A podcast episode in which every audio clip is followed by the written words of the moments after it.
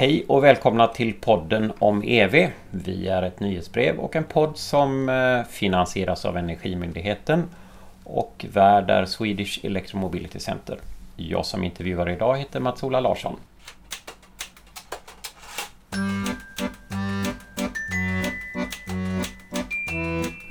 Och med mig är Magnus Nilsson, mångårig aktiv i miljösammanhang. Magnus, berätta vad du håller på med just nu.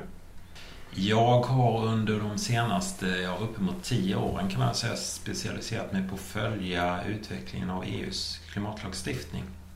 Mm. Eh, och just nu så ehm, jobbar jag med en rapport åt ESO som är en slags tankesmedja under Finansdepartementet med en rapport som ska komma om några månader som handlar om vad det här stora nya lagstiftningspaketet Fit for 55 betyder för Sverige. Ja, och det är lite grann av det vi tänkte fråga dig om idag. Så vi får kanske några eh, inblickar eller förhandstips om bland annat vad rapporten kommer att handla om då kan jag tänka mig. För det är ju väldigt mycket på gång. Det är en stor process i EU. Eh, om du bara ger oss en liten överblick. Du behöver inte ta alla detaljer. Det går väl knappt. Men eh, vad är de viktigaste skeendena och, och besluten som har tagits eller är på gång?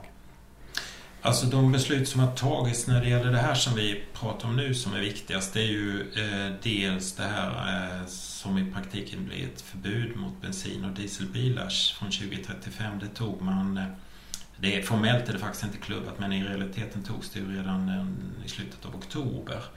Sen ehm, har man fattat beslut om två stora ramlagar det ena är att man ska lägga in eh, vägtransporter i ett nytt eh, utsläppshandelssystem. Och likaså har man fattat beslut om tak för utsläppen utanför nuvarande utsläppshandel. Och i det som ligger utanför är ju hela vägsektorn. Då. Yeah. Så att de, man kan säga de, de, man har bestämt hur stora de framtida utsläppen, återstående utsläppen får vara för bland annat väg, Eh, Eh, eh, vägsidan. Det här, det här måste sen eh, konkretiseras i, i, i mer detaljerad lagstiftning så småningom. Sen pågår det några processer. Den ena gäller en lagstiftning som ehm, brukar kallas AFIR som sätter krav på länderna att bygga ut laddinfrastruktur och vätgasinfrastruktur. Där förhandlar man fortfarande. Likaså förhandlar man om det nya förnybart-direktivet som kommer att ställa krav på länderna att eh, öka eh, användningen av eh, förnybart. Inte bara flytande utan el och sådana här saker också. Sen pågår det en del andra processer vid sidan om som jag inte följer så noga som sätter regler för batterihanteringssystemet, tillverkning och återvinning. Man har på väg nya lagstiftningar om försörjningen med eh, sällsynta råvaror som ju är strategiskt väldigt viktigt för, för batteriindustrin. Man har ett förslag om att ändra reglerna för energibeskattning som förhandlas men det, de signaler jag får är att det inte händer någonting med eh, de reglerna. vilket har betydelse, betydelse för till exempel att om Sverige vill skattebefria förnybart förnybara drivmedel så måste vi fortsätta att söka om tillstånd för det från eh, kommissionen precis som det har varit under de senaste 20 åren.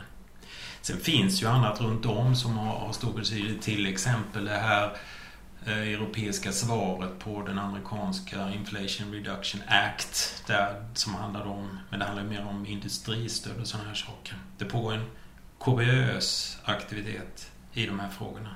Mm. Ja, det är en lång lista. Den, den som påstår sig att han, han eller hon har överblick över detta ja. eh, eh, överskattar sig själv i varje fall. Ja, just det. Ja.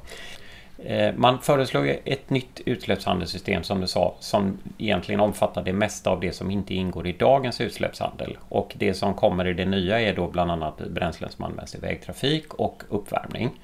Sen har man ju dessutom något som du nämnde mer eller mindre en bisats som väl kallas ansvarsfördelningen. Alltså att varje land har ett tak och det ska sänkas då. Så här mycket får ni släppa ut från det som inte ingår i dagens utsläppshandel. Så dagens utsläppshandel är Europa-gemensam. Det spelar liksom ingen roll hur mycket av, av utsläppsrätterna som förbrukas i Sverige och i Rumänien. Men när det gäller den, och det blir ju samma med den nya utsläppshandeln för vägbränslen då att det är i princip en, gemensam, en separat men gemensam handel. Men dessutom regleras då utsläppen från vägtrafik separat i den här ansvarsfördelningen som har tuffare krav för de rika länderna för de fattiga. Det är väl korrekt beskrivet? Det, det är korrekt. Alltså, så man, ska, man ska se det här som att eh, den nya utsläppshandeln den, den ingår eller omsluts så att säga av det här ansvarsfördelningsförordningssystemet. Eh, låt oss kalla det för ESR för det går fortare och det är så det kallas på engelska. Så ESR-utsläppen det är definitionsmässigt alla utsläpp som inte ingår i nuvarande utsläppshandel. Men inom ESR ingår inte bara trafiken och uppvärmningen utan också jordbrukets utsläpp av metan och lustgas. Och när eh, EU nu skärper krav och, och sen har varje land en, en liten pott inom den här ESR-ramen. Och när, när man nu skärper kraven, Sverige måste till 2030 pressa ner de här ESR-utsläppen med 50 procent jämfört med 2005. Då är det så att, att utsläppen från jordbruket av metan och lustgas, de är idag 25 procent eller någonting sånt. Där händer ingenting. De utsläppen är oförändrade. Det vill säga när man ska pressa ner den här totala bubblan så måste i praktiken hela utsläppsminskningen ske på annat än jordbruksområdet för att man ska lyckas med detta. Och det sätter ju en särskild press på, på trafiken. Just det.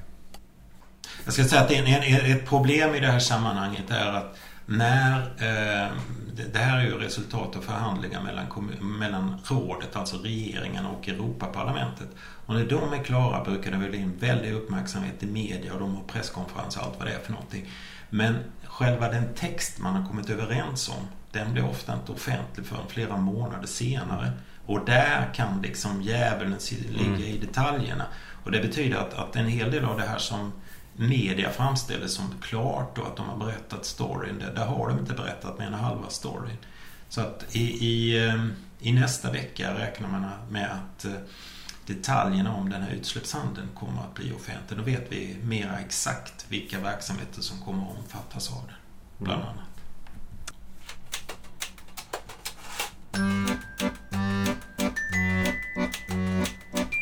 Eh, då har vi gått igenom åtminstone de viktiga processerna som är krångliga nog. Ehm, men vad, vad är din känsla? Vilka effekter kommer de här besluten att få? Eh, om vi säger fordonsindustrin eller fordonsköpare, drivmedelsbranschen. Lite det som vi eh, ägnar oss åt i vår, vårt nyhetsbrev. Det finns, det finns, jag vet inte ni, om det passar i ett nyhetsbrev, men det finns två effekter här Mm, kring det här förbudet mot förbränningsmotorer som är väldigt dramatiska och som politiken och många andra snabbt måste börja ta sig an. Det ena är att ju fler bilar, som, ju större andel av trafiken som elektrifieras desto lägre blir efterfrågan på bensin och diesel. Och i något, eh, eller den, den, processen pågår ju. I något läge kommer liksom distributionssystemet för, för bensin och diesel att, att bryta samman. Man kan inte liksom driva en, en bensinmack i Sorsele när det finns tre dieselbilar i hela kommunen. Och då, är, och då uppstår en massa problem. Då till exempel de här tre som äger de här dieselbilarna i, i Sorsele har antagligen ganska taskig ekonomi och kan inte skaffa sig någon elbil. För att få det här att, att landa eh, lugnt och harmoniskt så måste politiken på något vis gripa in i det här.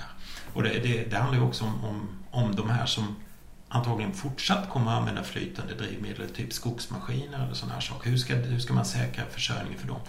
Den andra grejen är att när, när användning av bensin och diesel i praktiken nästan upphör, då försvinner ju en stor skatteintäkt för staten.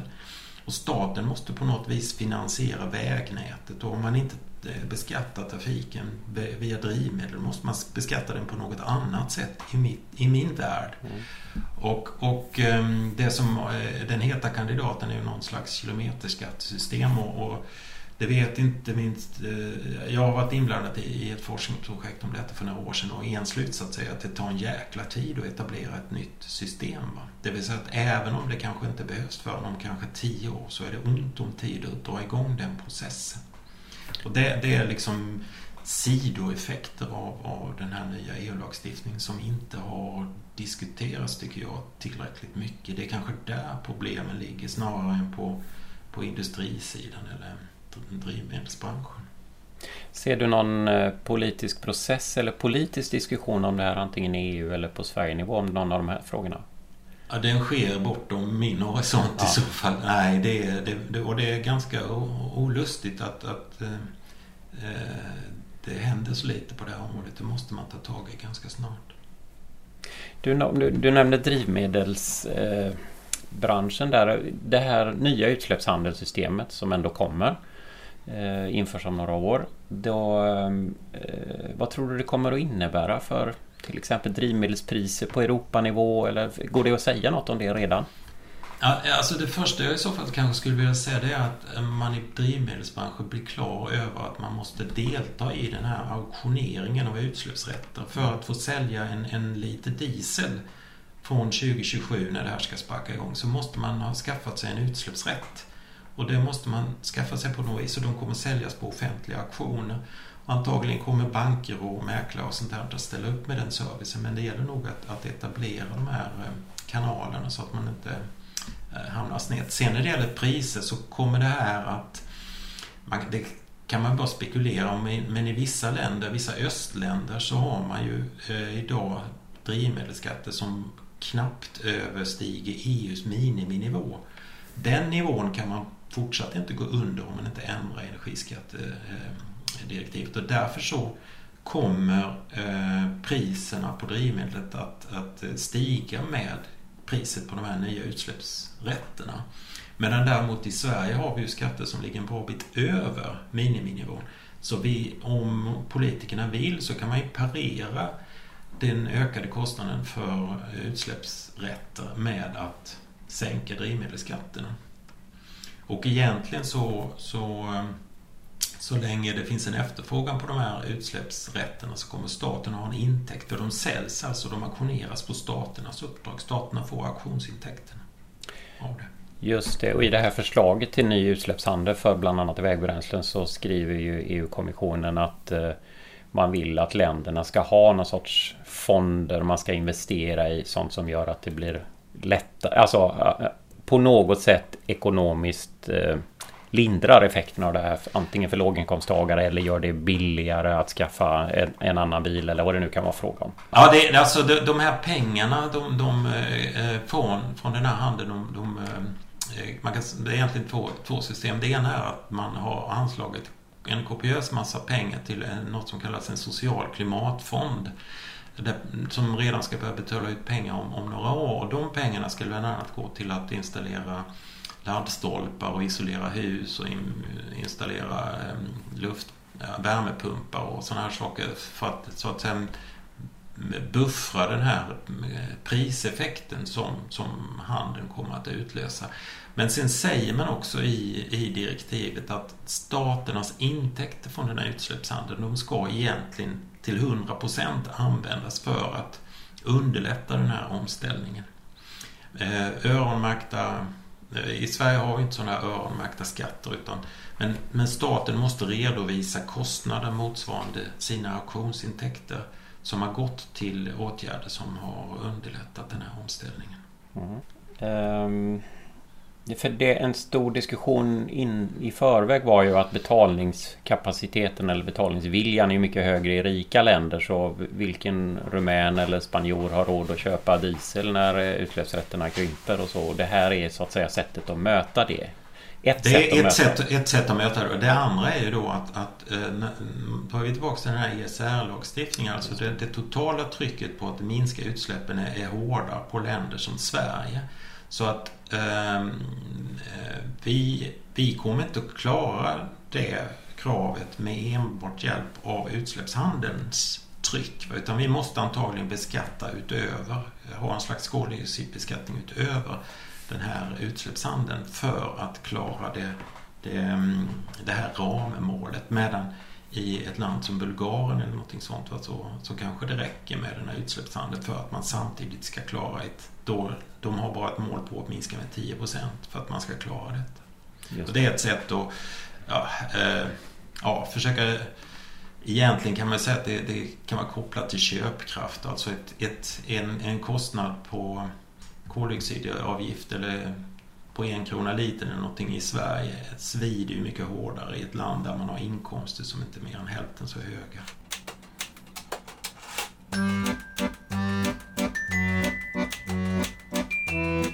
Ehm, aktörer, de, om, om vi funderar lite på elektrifieringen och, och, så. Det är ju uppenbart att väldigt många fordonsaktörer eh, tar fram modeller som går att ladda. Eh, hör du någonting om vätgasinfrastruktur och så? För i det här direktivet, AFIR som det kallas, för eh, infrastrukturen för alternativa drivmedel, där ingår ju krav på medlemsstaterna att bygga ut vätgas och snabbladdställen och sånt där kraftigt. Hör du någonting? Du kanske inte jobbar så mycket med det men... Eh, Nej, alltså det, det, det snackas det ju faktiskt inte så mycket om och det, det kanske beror på att det är en lite snävare värld än, än eh, det här med batteribilar mm. som är liksom en vardagspryl. Men eh, man, det finns ju sådana krav i kommissionens förslag och nu ska man komma ihåg att, att kommissionen eh, är ju väldigt fokuserad på sånt som handlar om den fria rörligheten inom EU. Det vill säga man vill att det ska finnas tillgång till vätgaspumpar längs de stora huvudvägarna i, vid, vid de stora hamnarna och sådana här saker. Ehm, Eh, och, och det betyder att, att eh, väldigt mycket av den här utbyggnaden av en, en vätgasinfrastruktur eh, ligger utanför EU-lagstiftningen. Det får länderna göra bäst de kan och vill. Eller marknaden eller så. Det, det, det omfattas inte av, av EU-lagstiftningen.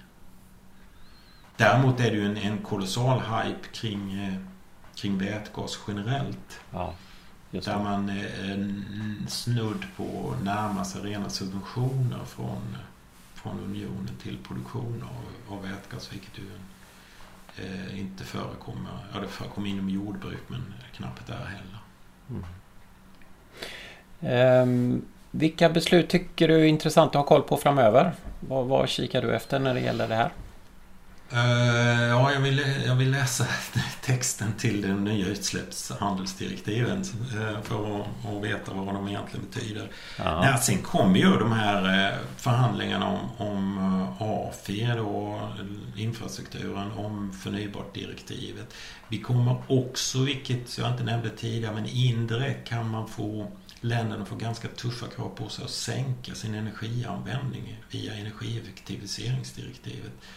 Ehm, det där är eh, nog något som man ska hålla ögonen på från svensk sida för Sverige släpar efter när det gäller energieffektivisering eller energihushållning. Vi får regelmässigt kritik av kommissionen för att vi inte satsar tillräckligt mycket på detta. Och där kan kanske den här nya lagstiftningen eh, komma att svida för Sverige på ett sätt som vi inte upplevt tidigare. Att vi måste titta mer på det. Sen, sen väntar jag mig också när det, om, om man tittar på elbilar så, så eh, är jag lite förvånad att det pratas så lite om eh, elbilar som, som är dubbelriktade. Man har egentligen inte krav på tekniken idag att, att man ska kunna plocka el ur elbatteriet när bilen står stilla. Det där, eh, i min värld, är en strategiskt eh, väldigt intressant lösning. Och det förvånar mig att man att det är så lite. Det känns inte som att det är särskilt mycket tryck på det, men jag misstänker att det kommer. Från EU-systemets sida ska tilläggas? Ja, man måste, man måste, man måste ju standardisera ja, och sånt här för, för att det ska bli en marknad som fungerar.